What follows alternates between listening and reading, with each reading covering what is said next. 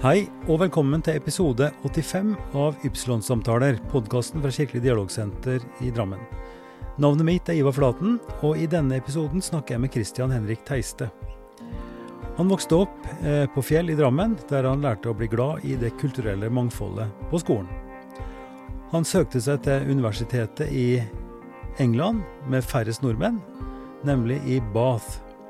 Der studerte han sammen med Rajni, datter av lederen for et stort hindutempel i London. Nå bor de i Drammen og oppdrar sin datter i begge tradisjoner. Christian har hele tida jobba med endringsledelse i ulike bransjer, siden 2006 med grønn omstilling.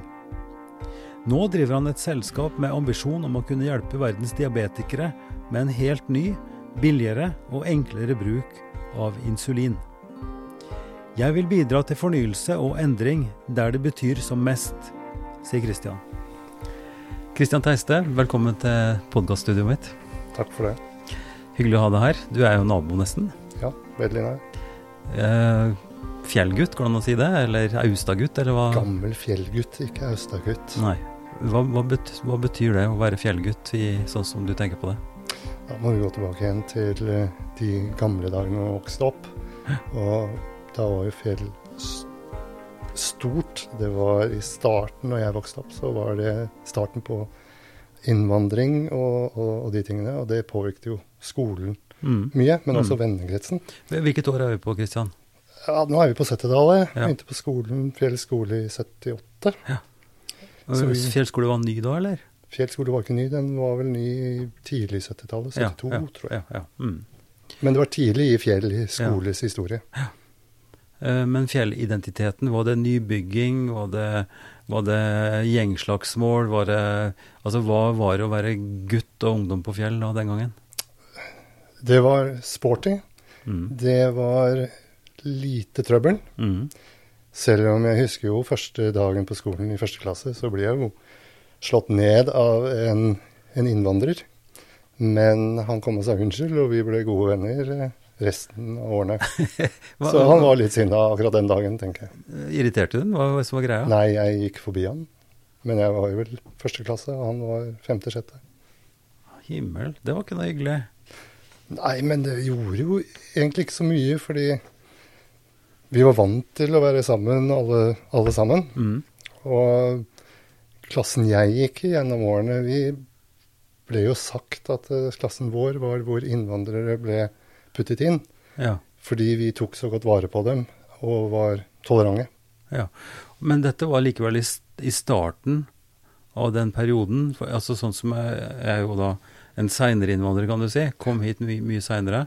Men at, uh, at, det var en, en innfasing hvor, hvor, skolen ikke helt skjønte hvordan de skulle håndtere det. Altså at, uh, at man ikke var i stand til kanskje å ta imot det på en måte som var relevant. Det var, det var, ikke veldig veldig mange på det tidspunktet, eller Nei. hvordan opplevde du det? Nei, det var ikke mange. Nei. Og det var få land eh, de, de, kom fra. Mm. Men en av de mer interessante historiene fra vår klasse var når vi fikk eh, inn en fra Vietnam, mm. båtflyktning, mm. og en fra Chile, ja. som hadde flyktet fra Chile. Mm. Og da lærte vi, så Fjell skole var litt på, for da lærte vi at de to som ble satt sammen, de mm. satt ved siden av hverandre, mm. hadde flyktet fra to forskjellige ting. Mm. Eh, allikevel så ble de bestevenner. Mm. Og det var en greie som Fjell skole virkelig fokuserte på for å lære oss om båtflyktninger, hva de rømte fra, mm. og hva folk fra Sør-Amerika rømte fra. Og da når du går inn i den læringen om hva de rømmer fra, mm. og hvorfor de har kommet hit såpass tidlig, mm. så begynner du å få forståelse for bakgrunnen. Mm. Og da er det mye som skal til for å ikke tolerere de. Ja, når, når du skjønner hva som er drivkraften i og det de flykter fra, rett og slett. Ja. Men også et, uts, et utsyn over verden. Altså at en får et begrep om om Chile. Det er ikke sikkert eh, barneskoleelever sånn utgangspunktet vil være så veldig eh, interessert i det. Altså hvor er Vietnam i forhold til Chile? Sånne ting.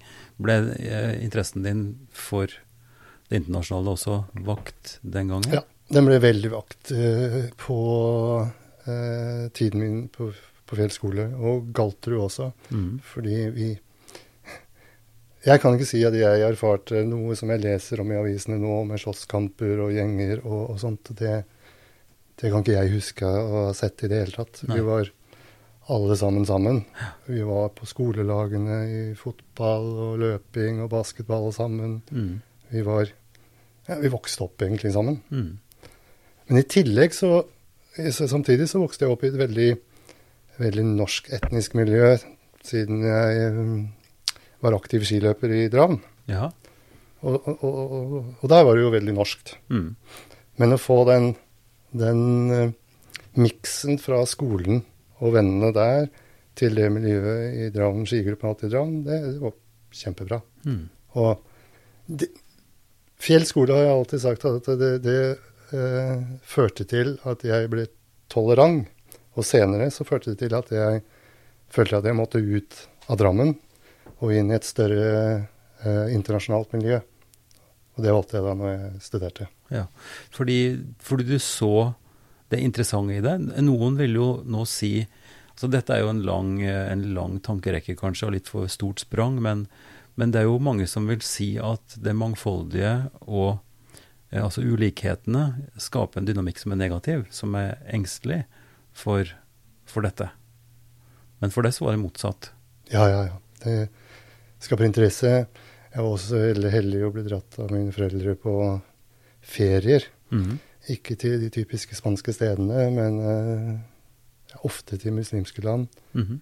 Og var mye i Tunisia, mye i moskeen, mye i guidede turer rundt historier og, og historikk. Mm. Og det også har feedet inn til en ja, nysgjerrighet, og mm. at uh, alle har en historie. Ja.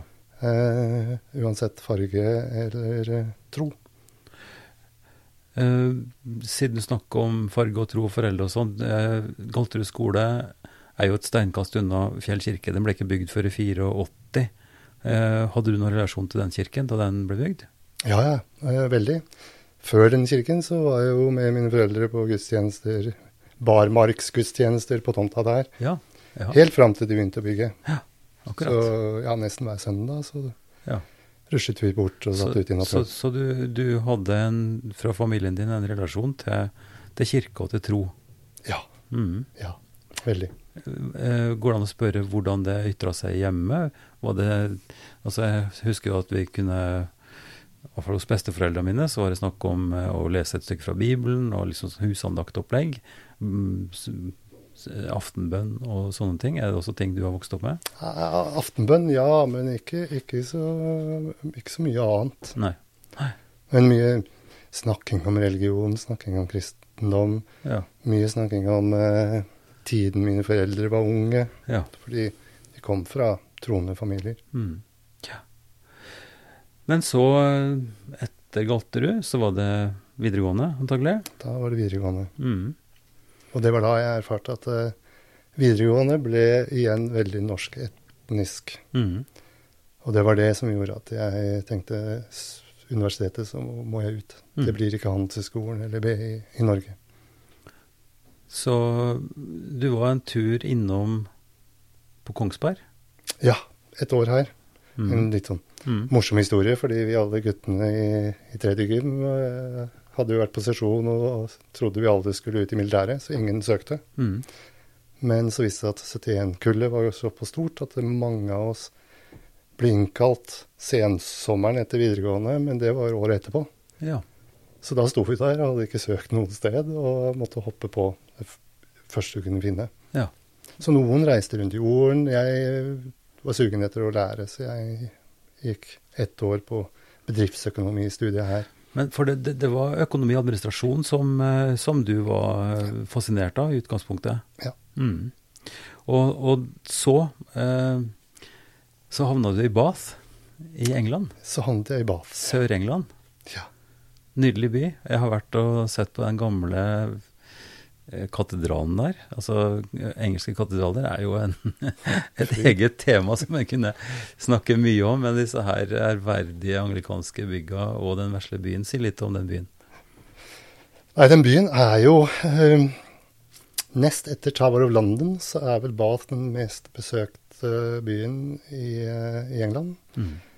Den har sitt navn fra romertiden.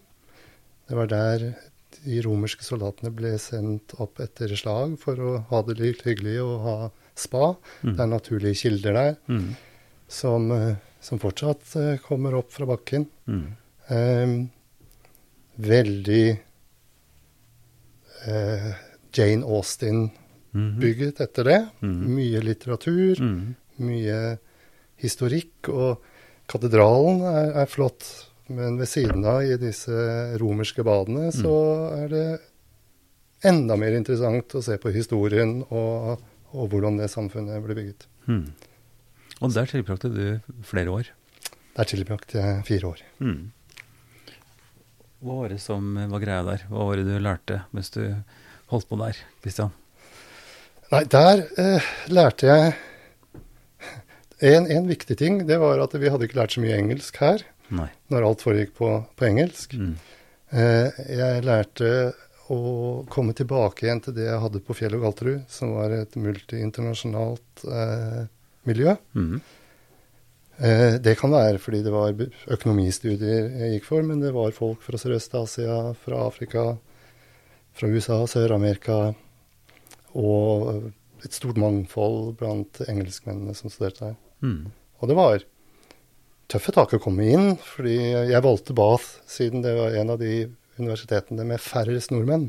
Ja. Så det var veldig... Du gikk rett og slett etter det spesifikt mangfoldige, det? Ja. Mm. Minst, minst, mulig nordmenn. Ja. ja. Og det fikk du. Men, men krevende og å komme i gang med, eller var det sånn at du følte at du kom litt hjem igjen? Sosialt og, ja. og, og venner eh, hjem igjen. Ja. Eh, sånn akademisk så, så, var det utfordringen første året, men så begynte vi å skjønne litt eh, hvordan de tenkte der, etter å ha holdt på her i Norge. Men, eh, men akademisk sett, altså høy, høy standard, krevende, ja, eh, rask framdrift? Ja. Da var vel det kurset tredje best i England, når vi studerte, så det var kjempekonkurranse. Ja. Og jeg valgte det Du må søke på flere eh, universiteter, men jeg satte den øverst fordi jeg visste lite om den, og den hadde arbeidserfaring. Eh, ja. To stykk, seks måneder, som du måtte ha for å få graden. Rett og slett praksisorientert, da. Ja. Men en, en bachelor? En bachelor, ja. ja. Men en fireårig bachelor. Ja, På grunn av praksisen pga. praksisen. Internships sånn. og, og ja. ja. Um, går det an å si for, en, altså for meg som er lekeperson, og de som hører på, hva, hva var det du først og fremst lærte de fire årene? Uh, jeg lærte å ta initiativ. Jeg lærte å måtte si, slåss meg litt fram, ha, jobbe hardt for å nå det du ønsket. Mm. Uh, men så lærte jeg også noe som vi var egentlig beskyttet for her i Norge. Og det kom veldig raskt etter at jeg begynte der. Så jeg ble frivillig i noe som heter Radio Nightline. Det er en hjelpetelefon for studenter av studenter. Mm -hmm. Og der eh, ble du kurset til å ikke gi råd, for vi var ikke psykologer, men å lytte og stille spørsmål. Og ganske tidlig så får du sånne nattevakter. Mm. Eh, og da kan telefonen ringe når som helst, mm. med hva som helst. Mm. Og, og, jeg satt der en natt, og telefonen ringte, og det var en fyr som sa at eh, nå har han lyst til å gå på taket og drepe seg selv. Mm.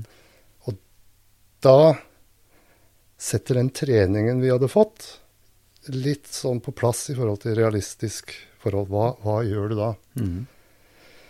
Eh, og så begynner du også å lære litt å spørre spørsmålene, litt bakgrunnen for dette. Mm.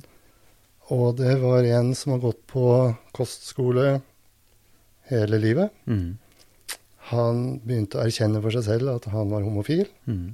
Ingen av vennene, ingen av familien visste det. Og han ble overveldet mm. til det punktet hvor han sa at han måtte egentlig ta slutt. Mm.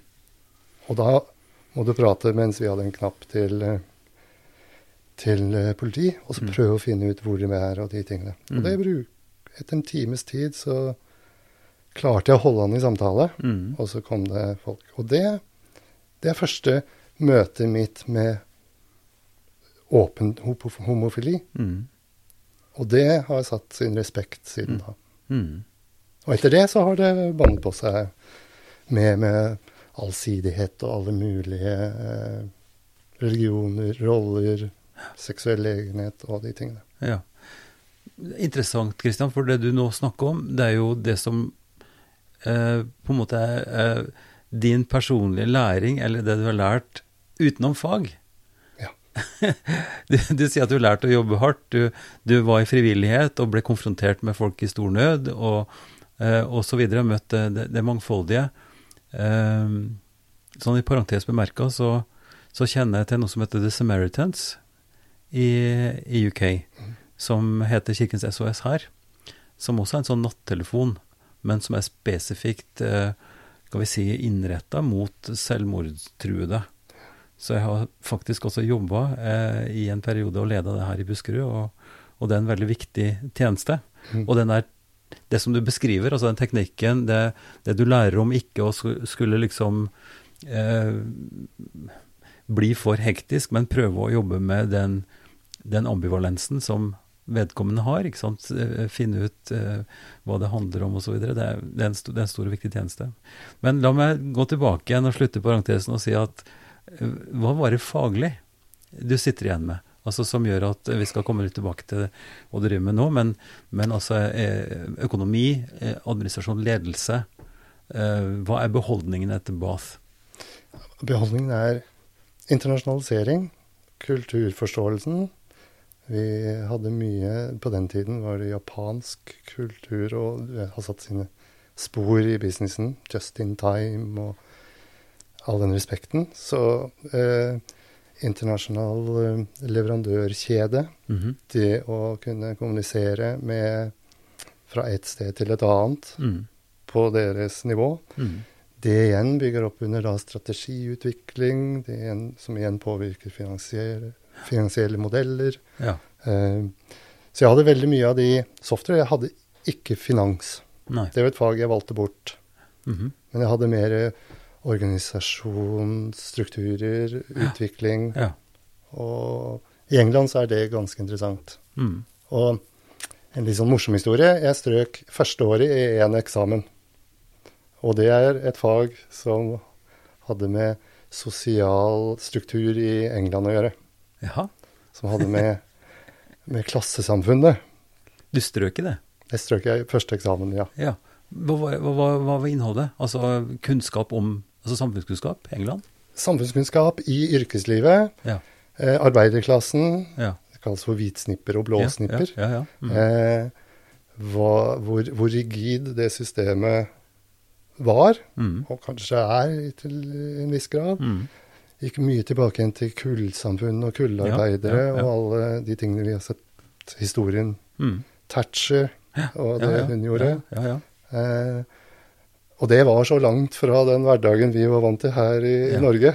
du er likhetsmarinert, du, vet du. Ja, ja, ja. Så det var vanskelig å, å, sette seg inn i. Mm. Så um, noen av de store erfaringene var når vi hadde besøk fra store industriledere som kom fra intet og hadde den fra de var ti år og mistet pappaen sin. Måttet jobbe i kullgruvene. Mm. Men da var de 55 når de kom og fortalte det oss, og var ledere for store forsikringsselskaper eller industriselskaper. Mm. Og den reisen deres mm. er fascinerende, fordi mm. det var stå på. Det å bryte ned tabu eller vegger. Mm. Mm. Det å vise albuer og tro på seg selv. Eh, er du en mann med spisse albuer, Christian? Jeg har også spisse albuer. Jeg hadde veldig troen på meg selv. Mm. Jeg har holdt på hele, mitt yrk, hele, min yrkeskarriere med å rive ned vegger. Eh, Hva betyr det? Si, si, mer om det. Det betyr endre ting, måter, oppførsel, eh, tenkning eh, for det bedre. Mm. Eh, det er jo også en sånn litt sånn sjablongmessig tanke. Vi har hatt prosjekter her i byen. ikke sant? Rive ned murer, bygg broer. Og, og, den samtalen vi sitter i nå, er jo også den brometaforen. ikke sant? Ypsilon-bro, som, som, handler om å bygge, bygge relasjon og, og, kanskje bygge ned skiller. Men i business, eh, hva, hva, er det du gjør da? Jeg syns det er Jeg mener det er akkurat det samme. Mm. Eh, nå startet jo min karriere som endringskonsulent, eller management consultant, i mange, mange forskjellige eh, industrier. Eh, endring er endring. Mm. Men hvordan man, eh, hvordan man, implementerer endring, mm. og tålmodigheten og respekten for hva endring egentlig betyr, mm. det er eh, noe man ja, det, det, det, er et suksesskriterium for å komme i mål. Mm. Og regel nummer én da, som vi hadde som management consultant, det var at det, det, var ikke vi som konsulenter som gjorde endringene. Det var de som krevde å endres, som endret seg selv. Mm. Og der var det jo forskjellige metodikker, men så går det også på det personlige plan, hvordan man manøvrerer. Mm.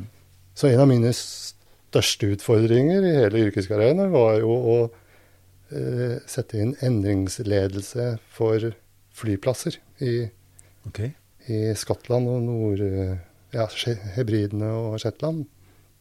Eh, og spesielt da i branndelen av, eh, av, disse. Jaha. For det er veldig strukturert, de følger mm. veldig regler og de mm. tingene. Men så går det på hvordan endre tenkningen deres og effektiviteten deres til å gjøre hverdagen bedre mm. i, i, forhold til organisering, i forhold til struktur, mm. i forhold til rapportering. Ja. Og, og, preventative uh, in, instrukser, egentlig. Ja. Men, men, det ligger vel kanskje i kortet også at der strukturene er som fastest og, og rutinene som mest nødvendige, Eh, det finnes jo en del eksempler på institusjoner som, som har sånne strukturer, da, hvor endring både føles som trussel og, og kanskje også kontraproduktivt. Altså at man er skeptisk til endring fordi det er en type endringsagent som kommer utafra, som vil noe med en, som føles truende, da. Mm. Uh, så det kan jeg godt skjønne. Uh, da vil jeg legge til ja. en interessant greie på akkurat det du sier der det er hvis du får med deg champions blant den gruppen eller organisasjonen eller avdelingen mm. som faktisk er driveren av endringen, og da mener jeg ikke administrerende direktør eller noen, det kan være alt fra avdelingsleder til eh, en, en, Clark på um, mm. regnskapsavdelingen. Mm. Men personlighetsmessig, mm. får du med deg de, så gjør du endringsprosessen mye enklere. Får du det ikke med deg, mm. så er det mest sannsynlig at det du prøver å endre, er feil. Ja. Den. Men altså den menneskelige faktoren, da. Altså en eller annen person som i en eller annen form klarer å bli et forbilde. Du kaller det champion. Altså en person som har en innvirkning på sitt arbeidsmiljø på en eller annen måte. Og som ser behovet, og som som bidrar. Så du snakker egentlig om en intern forståelse som må komme først, nesten, for at det skal være noe poeng? Ja. Hvis ikke, så I det jeg har erfart gjennom årene, så kommer du ikke i mål. Nei. Du får endret, og så en måned eller to etterpå så er du tilbake igjen til det gamle. Men det er jo noen av de strukturene Kristian, som er så dype og, og fasttømret at, uh, at, det er svært vanskelig å, å, tenke seg at de kan endres, med mindre det går en 10-15-20-30, kanskje 100 år. Altså jeg tenker F.eks. på det du var inne på med, med lagdelingene i, i samfunnet. Med, med, overklasse, som vi kanskje vel ikke kjenner så mye til her hos oss, men som du kanskje kan fornemme i Sverige, f.eks., men som er veldig tydelig i England. Og den følelsen av uh, superiority ikke sant? Gamle eh, eh, Altså imperiet, ikke sant? Som en av og til kanskje nesten har følelsen av at de ikke har skjønt det over enda. Ja. eh, altså, du snakker om kostskoleungdom, ikke sant, som har levd hele eh, og som har blitt hamra inn disse strukturene. Um, og det er jo ikke gjort i en håndvending, verken firma eller i en, en, struktur å få gjort noe med det? Uh, nei, uh, men uh, hvis vi går tilbake til universitetet, da, en mm. av de store bøkene vi måtte overanalysere, mm. det var 'Riv ned pyramidene'. Okay. Og det er en bok av, som er basert på hva SAS, Scandinavian Airlines, ja, ja. gjorde. Mm. Eh, Janne Karlsson og gjengen. Janne Karlsson og gjengen. Mm. Og, du, og, vi måtte sammenligne dette med andre eh, Sony, f.eks. Walkman. Mm. Akio Morita. Mm. Totalt annerledes. Mm. Men i den nordiske muligheten så var tear down the pyramids, eller riv ned pyramidene, det var liksom suksesskriteriet der mm. på 80, tidlig 90-tallet. Mm. Eh, det var noe England ble veldig motivert til etter eh, Thatcher og, og, den politikken som kom etter det. Mm, mm. Eh, men der går det jo på å måtte kunne skape arbeidsplasser for, for hele samfunnslaget. Mm. Og jeg jobbet jo mye eh, som konsulent i, i, i det den møkkete industrien. Hvor du har disse klasseskillene. Du har administrerende som kommer med Rolls-Roycen sin, og så har du massevis av arbeiderklassen som var lavtlønnet. Mm. Men hvis du har en champion som er administrerende, som sier vet du hva, jeg må gjøre noe med min organisasjon for at uh, enten børsen skal kunne anerkjenne meg mer, eller at jeg vil se bunnlinjen bedre. Mm. Så her trenger jeg hjelp til å endre. Mm. Og da kom vi inn eh, ofte eh, for å gjøre den endringen. Og i ni av ti prosjekter jeg ledet, så løftet vi alltid noen fra, fra bunnsjiktet mm. til å ta avdelingslederrollen. Mm. Og hvorfor det? Det er fordi at de var møkte på hendene. De vet hvor det gjorde vondt. Mm. Både på produksjon eller på mm. tjenestene de mm. leverte. Mm. Men også visste de hva er det som foregår i samtalen mellom arbeiderne? Mm. Og suksesskriteriet der er løft dem opp. Mm. Derfor så intervjuet vi alle eh, ansatte fra topp til bunn. Mm. Ingen styreroms eh, eh, tilgjengelighet eller noen ting. Her mm. var det ingen forskjell. Mm. Og ja, du må fortsette og fortsette og mm. fortsette. Mm. Og jeg har et, et, et, et, eksempel på hvor det ikke fungerte. Mm. Men da blir det den store, stygge konsulentjobben da, med å få skylden for at uh, du må legge ned hele greia. Mm. Og det er noe av det tristeste jeg har vært med på. Det var når jeg var leder for å legge ned den største arbeidsplassen for kvinner i Norwich. Mm. 300 kvinner. Mm. Og dette var på en tid hvor mange av Norwich-familiene hadde vært avhengig av fiskerne. Ja, ja. Fiskeindustrien hadde blitt nedlagt, mm. så kvinnene var eneforsørgere. Og jeg måtte eh, legge dem ned. Da kom eh, BBC News og de tingene, og vi måtte være til stede. Mm. Jeg hadde to nyutdannede med meg som satt gjemt bak i et låst rom. Vi hadde parkert bilene våre ti minutter unna. Og det var 300 kvinner som gråt der mm. ute. Mm. Mens jeg måtte ta meg også mine ansatte i dette, for det var mm. opprivende. Mm. Og det skyldtes da at grunnlaget ikke var godt nok, eller at, eller at omstillingen ikke var bra nok? Eh, altså, var, ja, du skal ikke gå inn på detaljer, naturligvis, ja. men, men, i og med at det er et unntak her, hva var det som genererte den miseren, da? Eh, det var billigere å legge ned den delen enn å endre den. Da kommer vi litt inn på IT og, og de tingene. Dette var mm. også et børsnotert selskap som har eh, kvartalsvise rapporter. Så mm. det er mange elementer som spiller inn. Mm. Men uh, fra det mer humane, det mer mm. businessorienterte, mm. så, så, var det det eneste riktige. Og det skjedde da i løpet av en natt. Ja. Ja, Kristian, der er det stygge, den stygge på en måte sida av, av, det som vi kaller omstilling og disrupsjon, kanskje med et større ord. Eh, at ut ifra sånn overordnede økonomiske prinsipper så, så, vil det ikke gå. ikke sant? Det, det er for mye folk, det er for treige prosesser, det skal mer automasjon til osv. Som betyr da for alle praktiske hensyn ofte at folk blir sagt opp. Ja. Eh, og det er jo verken hyggelig eller humant. Eh, og, og, og, derfor er det kanskje òg at mange av oss vil ha en følelse av at hvorfor må det være sånn? Mm.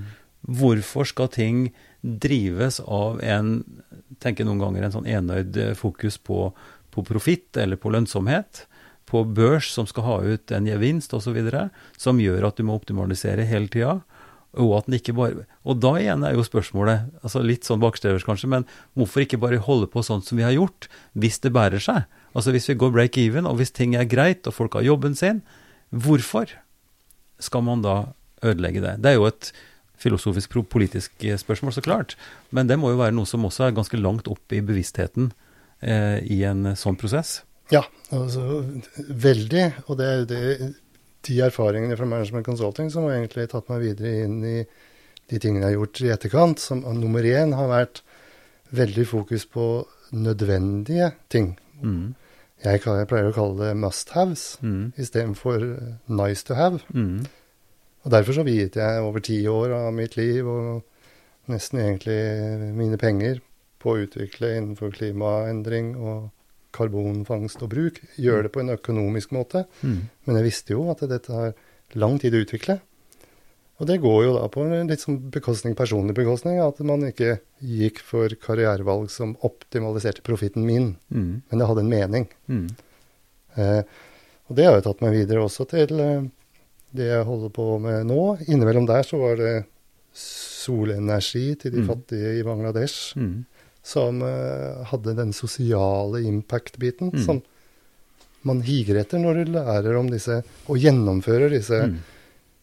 veldig ofte bra tiltakene, men noen mm. ganger de litt vonde, men nødvendige tiltakene. Uh, så da ender du med å ha en litt sånn livsmål om å holde på med noe som er nyttig. Mm. Eh, og så blir jo spørsmålet hva er nyttig?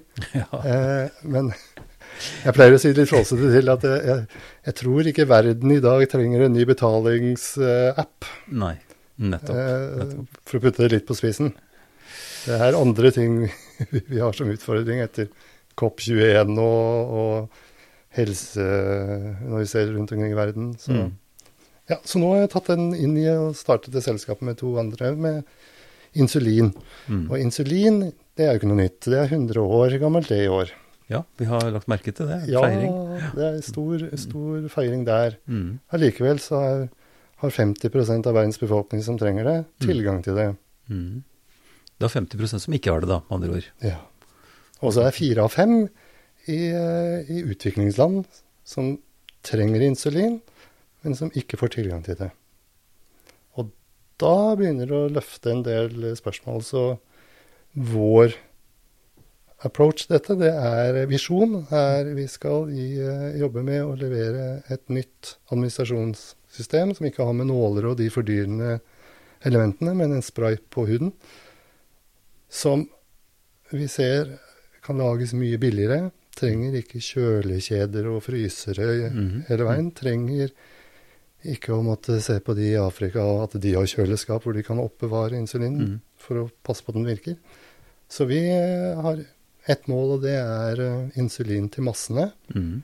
Eh, på et, eh, I et produkt som gjør at man ønsker å bruke det, og ikke med nåler.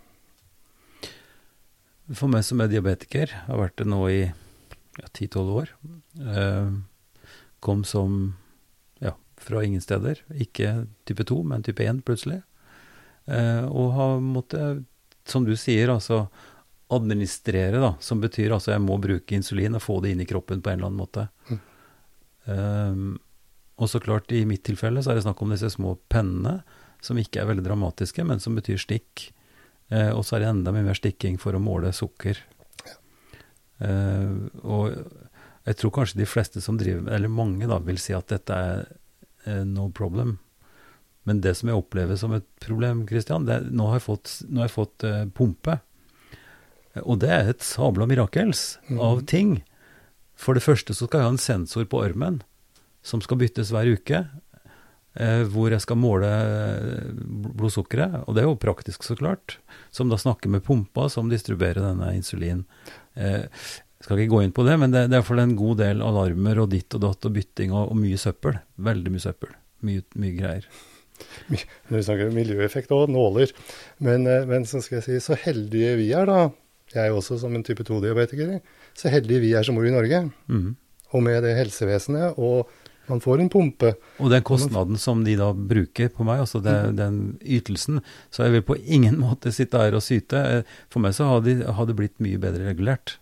Ja. På tross av dette, altså med, med dette utstyret som jeg får, da. Eh, men, eh, men eh, ja, det er, det er, mange sider ved det. Mange spørsmål, altså.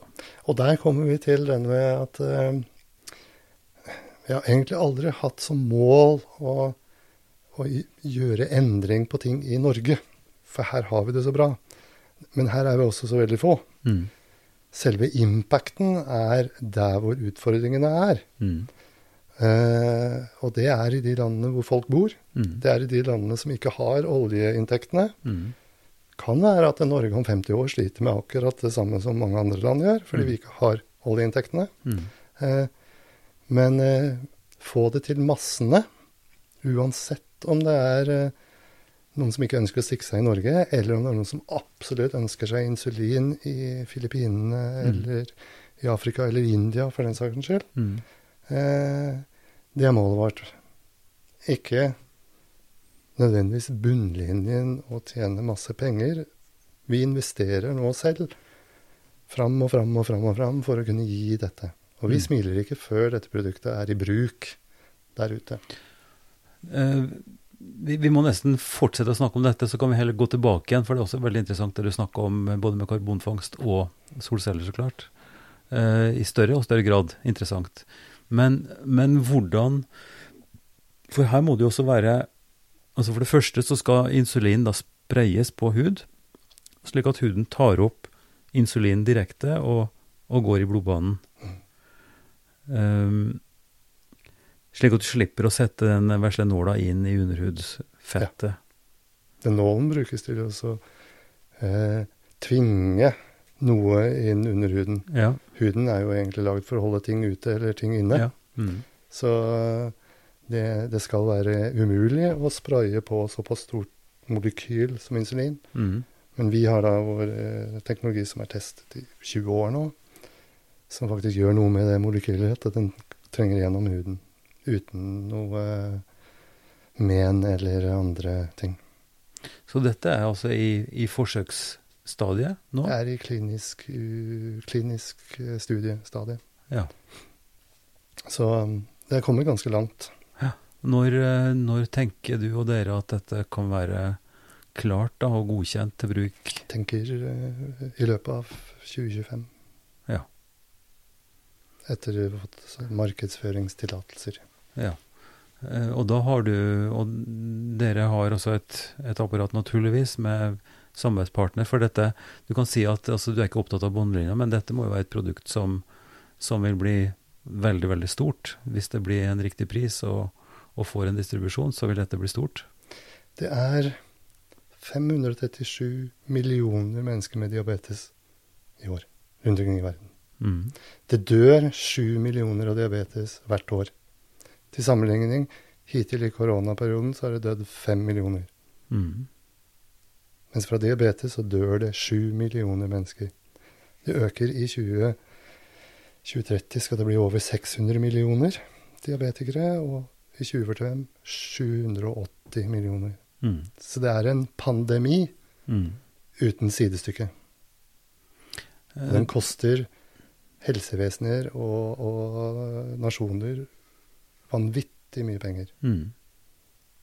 Dere, dere, må jo ha tenkt og sikkert eh, jobba mye med hva som er årsaken til den akselererende, eller økningen i diabetestilfeller. Har det også noe med kosthold og Altså, hva er rammevilkårene? Hvorfor Altså, jeg skal ikke spørre hvorfor jeg fikk det plutselig. Ingen i slekta vet om at noen har hatt det. Så dette er jo åpenbart eh, disposisjoner eh, på et, på et ja. personlig nivå. Men de store, de store tinga som gjør at såpass mange unge får det, f.eks. Det sies jo Ja, ikke sant. De unge, det viser at det, det er ikke livsstilssykdom. Nei. Nei hittil så har spesielt type 2 Type mm. 1 det er mye mer genetisk og, og sånt. Men mm. type 2 det har jo hittil vært et sånt tabu å være type 2-diabetiker, fordi ja, det er din egen skyld, det er din livsstil, du er fedme og rører ikke på deg. Men det mm. begynner å bli mer og mer fundamentert nå at det, det, det, det er andre ting som spiller like stor rolle som livsstilen. Eh, og jeg vet ikke om det kan være alle kjemikaliene vi blir eh, eksponert til, eller hva, hva det er. Nei. Men eh, noe pågår som mm. ikke er bra. Mm. Så om man trener hver dag, så er, betyr ikke det at man klarer å holde seg unna diabetes. Nei. Altså det er jo, det er jo et annet uh, aspekt ved Altså den genetikken er utrolig styrende. Det vet jeg litt om pga. hjertesykdom også. Ja. Uh, faren min døde i 64 år gammel for 30 år siden. Og jeg fikk nøyaktig samme smellen nesten i samme alder uh, for to år siden. Uh, og vi var på helt forskjellig klode når det gjaldt både trening og, ja, ja, ja. og, og ja, helse osv. Men jeg må jo si at vi, vi, vi, tida går fort her, Kristian, så vi må, vi må kanskje gå inn på det som jeg også har lyst til at du skal fortelle litt om. For du, du gjorde jo det er jo en stor endring i ditt private liv, fra det å, å være i en kristen familie her i Drammen til å, til å eh, lage din egen familie. Og der er det ikke helt sånn som, eh, sånn som det var her. Fortell, Du blanda kanskje det beste fra familien din og fra Fjell skole, da, på et vis? Ja, altså jeg tror det er resultat av, eh, av begge deler. Ja. Eh, og egentlig burde gi litt min far også, som hadde sitt eget regnskapsbyrå her. Mm. Eh, men som hjalp mange altså innvandrerbutikker og, og, sånt til å holde styr på regnskapet sitt, og, mm. og hjalp dem den ekstra biten. Og det var hvordan gjør jeg dette i forhold til skatt? Mm. Ja, ja. Så jeg har hatt den inputen fra både Fjell skole og, og litt hjemmefra, mm. og denne lærdommen av å, være så heldig å ha vært mye i utlandet da jeg var litt, eller yngre. Mm det, det, da har du et åpent sinn. Mm. Du syns eh, det du ikke er vant til, er interessant, mm. og har lyst til å lære. Mm. Så da møtte jeg jo da hun som er min fru, møtte jeg da på universitetet. -hmm. Så vi studerte sammen. Samme studie, økonomi. Eh, hun gikk nedover journalistbiten, mm. jeg gikk inn i management consulting-biten. Mm. Eh, men ja, vi, vi møttes da. Ja. Og, og, det interessante fra mitt perspektiv da, som driver med dialog, at dette ble jo også en, en interessant dialogisk erfaring, måtte det være. Eh, for hun er hindu, eh, med en far også som driver aktivt i, ja, i, i, i det å formidle eh, sin tro. Kan du ikke si litt mer om hvordan ditt møte med den familien eh, fungerte? Jo, eh, vi, vi, eh, vi, møttes jo, jeg og, og Rajni, som det heter, vi møttes eh, på universitetet. Mm. Det var i all hemmelighet. Mm. Vi, jeg måtte hjem hit og gjøre militæret, og så over til London igjen. Og da Hun kom jo fra London. Og bodde hjemme etter universitetet og jobbet. Eh, vi møttes i smug. Uh, I ett år og to år og fire år. Og Hvorfor i smug? Det var Jeg var vel ikke helt eh, Jeg var ikke helt den, den fyren de ville ha foran seg. Nei, nei. Så det var rett og, lett, rett, rett og slett noen spørsmål litt, ja. litt uh, vanskelig for henne? Ja, ja, ja. Og, mm. og, og, og, pappaen var jo også ganske Han var leder i et, det lokale tempelet i Southall i, i, London, som er et ganske stort indisk miljø der mm. borte. Mm. Mm. Eh, så ja, det var vel ikke egentlig åpninger for å introdusere noen eh, hvit norsk. Nei. Eh, før jeg plutselig tenkte nå skjer det ting på IT-siden og internettsiden i Norge, så der er det spennende jobber. Ja. Da hadde vi vært forlovet uten at foreldrene visste det også, i tre år. Eh, men det var da vi tok det skrittet til å kanskje introdusere det litt. Eh, det gjorde min fru. Det var nei, nei, nei fra far. Mm. Men mammaen der, hun var tøff nok til å si OK, la meg treffe. Og da går man inn i en dialog, en samtale ja. igjen. Blir litt kjent, kanskje? Blir litt kjent, mm. men også at det, det er ikke så ekstreme forskjeller, selv om hun var hindu og jeg var eh, norsk-kristen. Så det førte til at jeg da fikk lov til å møte min svigerfar. Mm. Men første gangen, dette er faktisk litt interessant, første gangen jeg så min nå svigerfar, det var to-tre år før det på BBC News, hvor det var en Gupta som satt i et forum akkurat på den tiden hvor Pakistan og India begge satt med atomvåpenknappen, og ja. det var ganske nære. Og da hadde Eller min, min svigerfar har vært involvert i dialog og forståelse i sånn multicultural uh, organization hele mm. sitt liv, egentlig. Så han blir sittende der i en debatt, et paneldebatt med muslimske ledere og mm. sånt. Mm. Det var første gangen jeg møtte Og det, det husker jeg som, som, i dag, fordi det var en forståelsesdialog eh, mer enn en eh, du tar feil og du tar rett og, ja, ja, og sånt. Ja. Så approachen var rett veldig bra. Rett og slett en samtale. Mm. mm. Ja, så da um, Så han imponerte deg litt, han der karen? Han imponerte meg i forhold til uh, innstilling. Ja. Mm. Eh, og forståelsen for hva dialog er. Ja. ja, han er hindu, han believe, tror på hinduismen, ja. men fortsatt har den respekten. Og det, det, viste seg da når han til slutt eh, møtte meg. For da var ikke fronten så steil som du var redd for? Det var mer prinsippet han var ute etter? eller hva, Hvordan hadde dere snakka om det etterpå? Hva var det som gjorde at han var så Skeptisk? Visste ingenting om eh, nordmenn, om eh, hvit norsk, eh, hva jeg kom fra, familiebakgrunnen og, og, de tingene der. Han var engstelig for datteren sin, at hun skulle gjøre et dårlig parti? Ja. Mm. ja. Så det, det, går på kunnskap. Mm. Eh, så når vi da møttes og kunne ha en dialog, mm. så ja, så, så, ble det bryllup. Nei, fordi dere var sammen altså i såpass mange år, ja. Eh, og hun øh, følte at hun da ikke kunne fortelle om det fordi det var for konfliktfylt. Hun ville ja. ikke såre faren sin, hun ville ikke lage bruduljer. Ja, bruduljer, eh, lage, skape uro blant standingen i samfunnet og, ja. og, de tingene. Ja, fordi at det var en slags eh, Ja, det kunne bli snakk om det. Ja, veldig. Hvis eh, lederen i hindusamfunnet der på en måte mista datteren sin til en vantro, eller hva man skal si? Eller? Ja. Og, ja. Eh, og da kommer vi tilbake igjen til riv ned pyramidene. Mm. Så når, som et resultat da, så har vi erfart etterpå at eh, andre hinduister har kommet til han og spurt om råd mm. når deres barn har ønske om å, å, gå inn i et eh, mikset eh, mm. Eh, parforhold. Mm. Så han har plutselig, fra, fra, å være litt redd, på, å være litt ja. redd for det, mm. så har han plutselig fått respekt. Så kan han bli en kvalifisert samtalepartner eh, ja. rundt disse svært kompliserte og krevende forholdene, for det er jo ingen tvil om. Eh, og det er kanskje noe vi også i altfor liten grad snakker om her også.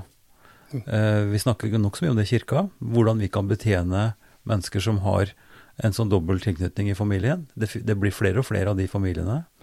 Uh, og det er ikke nødvendigvis heller på, på, tvers av religioner. Det kan være in, internt også i, i, i, religioner hvor de spenningene kan være så store. Så dette er viktig. Kristian, uh, hvordan har dere uh, nå, når, etter hvert som de årene har gått, da, kontakten mellom deg som norsk kristen og kona di som nå inngifta i en norsk setting, hvordan har dette utvikla seg. Kan du si noe mer om det? Hvordan er forholdet deres til, ja, har, på, på, det nivået her, da, kan du si? Ja, på det nivået her så har vi egentlig Vi har opprettholdt eh, kontinuiteten og forståelsen og interessen på, på begge sider. Mm. Det betyr at jeg setter veldig pris på å være sammen med min kone i tempelet. Mm. Uh, og Rajni setter veldig pris på og, og, og syns det er kjempeflott å være i kirken. Mm. Uh, men det er en sånn tålmodighet, en forståelse på begge. Pluss at uh, hvis vi skal gå veldig religiøst inn i det, da, mm. så har vi fra dag én egentlig tenkt at om, om Gud kalles for Gud, eller Allah, mm. eller Krishna, eller alle disse, mm så er det i våre øyne det samme. Mm. Eh, veien dit kan være forskjellig mm. fra forskjellige religioner, mm. men det ultimate mm. er det samme. Ja. Eh, og det er en sånn vi snakker om ofte i søndagsmiddager og sånt, spesielt nå etter Diwali, så ja. går vi inn og Spesielt også i forhold til Benedicte, datteren vår, ja. så hun skal lære seg om at det, den kristne guden er ikke noe så forskjellig som fra den hinduistiske. Da åpner vi et veldig stort og interessant kapittel, eh, som også kom opp veldig sterkt nå i den samtalen som vi hadde på biblioteket, eh, i forbindelse med skal vi si, bruduljene rundt bønnerop-spørsmålet og, og, kirkeklokker, eh, hvor, vi, hvor jeg inviterte til en samtale for å nettopp snakke om, på en reflekterende måte, hva snakker vi om her? Hva er dilemmaene? Hva er, hva, hva er saken? Og da, i samtalen etter den skal vi si litt mer strukturerte eh, samtalen som er podkast, som folk kan høre på hvis de vil, den, eh, da kom det veldig opp dette her med, med Allah. Eh, at når, når, Allah proklameres, så er det noe annet enn Gud. Eh, og at man snakker liksom om, om, om Gud som forskjellige guder. Og i en monoteistisk sammenheng, sånn som eh, eh, det mosaiske trossamfunnet, jødene, muslimene og kristne, så er jo dette litt enklere på en måte. ikke sant? For da har du et, en type gudsbegrep som ikke er veldig forskjellig.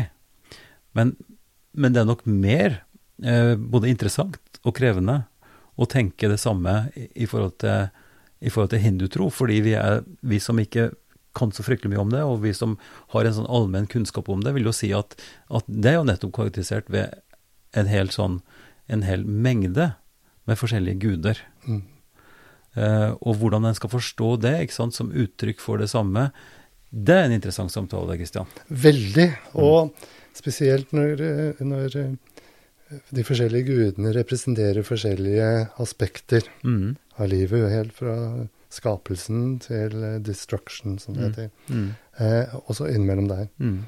Og hvis du trekker litt linjer til Det gamle testamentet og også Det nye testamentet, og hva, hva, hva meldinger eller beskjedene i noe mm. eh, er, så finner du paralleller i det. Det er bare en annen måte å, å, å presentere det på. Mm. Men hvis man begynner å analysere det, så kan man tenke at det, det som blir fortalt i Nytestamentet der om, om Jesus' historie på det, mm. den ser vi komme tusenvis av år før da, i, i, i historien om Krishna som gjorde det og det. Mm. Eh, og det syns jeg er fascinerende. Fordi det bare Det bygger opp under likheten mm. på alt, mm. eh, og ikke forskjellene. Mm. Men hvis man ønsker å fokusere på forskjellene, så kan man jo gjøre det. Men eh, det er likhetene som rår. Det, det er jeg helt enig i. Og, og, det som gjør at det her er utrolig fascinerende, det er jo nettopp spenninga mellom det spesifikke, eh, det som eh, har med en bestemt eh, religiøs, kulturell forståelse å gjøre, som er genuint på den ene sida, og samtidig likhetspunktene og fellestrekkene. Vi snakker mye om polarisering i dag. Og det er ofte politisk tenkt, ikke sant? Med, med kanskje ytterpunktene, sånn som det republikanske og, og, og demokratiske i, i, USA. Hvor de er, det ser ut som at man har kommet så langt fra hverandre at det fins nesten ikke noe sånn middle ground eller noe, i, noe, felles i midten hvor man kan ha, ha en, en, type utveksling da, som, er, som er fornuftig. Mm. Altså Man blir drevet for, for, langt fra hverandre. Og, og, det er i det bildet også jeg syns at både religionsdialog og, og, dialog med forskjellig tenkende og forskjellig troende mennesker er så utrolig interessant. Hvis man kan holde fast i det som er felles. Ikke fordi at alt skal være felles, for det er jo en fiksjon. Det stemmer jo ikke. Ja, ja. Altså Det blir helt feil, fordi vi er jo, vi er jo forskjellige og avhengige av bestemt type tankemåte, filosofi, språk, ikke minst fortellinger, som, som er en del av, av, identiteten vår. Men det som fascinerer meg dypt, og som jeg tror er helt livsnødvendig, både politisk og, og kulturelt og samfunnsmessig, det er at vi holder fast i at vi har et stort fellesfelt hvor vi er på, på like fot, på en måte. Mm og hvor vi har felles interesser og felles behov.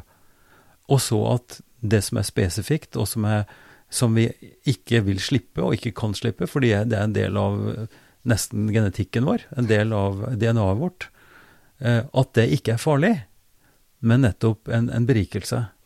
Å holde fast i det spesifikke som sant, og ha et avslappa forhold til andre som holder noe annet for sant.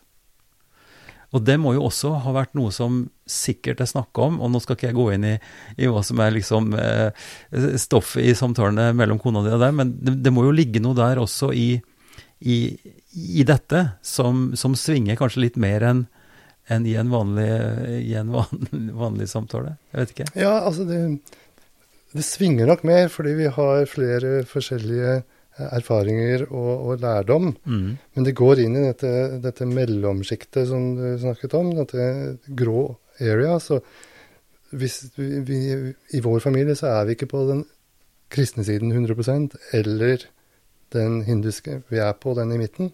Og det er jo også en stor fordel for, for vår datter, som oppdras for begge deler. Hun har sagt aftenbønn, men også om che hver bidige kveld siden hun kunne snakke. Mm.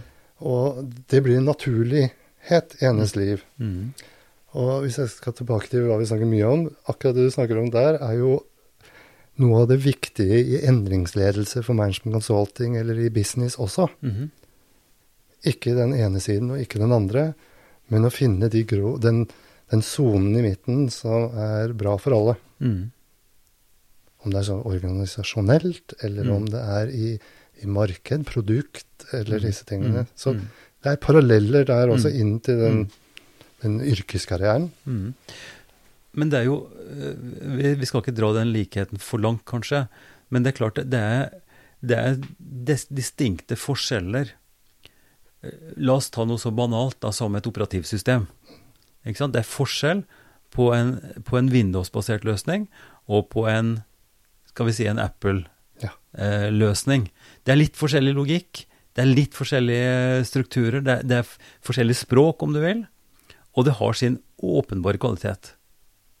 Ikke sant? Ja. Eh, og, og, du Nå vet jeg ikke hva som konvergerer til slutt, ikke sant? Hvor, hvor likt det blir. Men, men, det er veldig vanskelig å, å, å skulle få omvendt en, en Windows-bruker til å bli en Mac-bruker, eller Apple-bruker, f.eks. Eh, men at en kan leve sømløst i hver sin tro, og samtidig ha, altså jobbe med de samme tinga. Ja. Dette blir veldig haltende, merker jeg. Det blir veldig rart sammenlignbart. Men, men det at, eh, at, kona di eh, og familien holder fast på at det er hindutroen som er, som er virkelig det berget de står på, og som, og som, er deres identitet, og som er det Kall det sanne, da. Mm. Eh, men sånn som jeg forstår det, at den kristne bakgrunnen, kristen tro, kirketilhørighet, eh, for din del er det du står på. Går det an å ha to sannheter samtidig? Dette er også filosofi, og dette er liksom anvendt livs, eh, livsfilosofi, livsfilosofi, på en måte, men samtidig også alvor.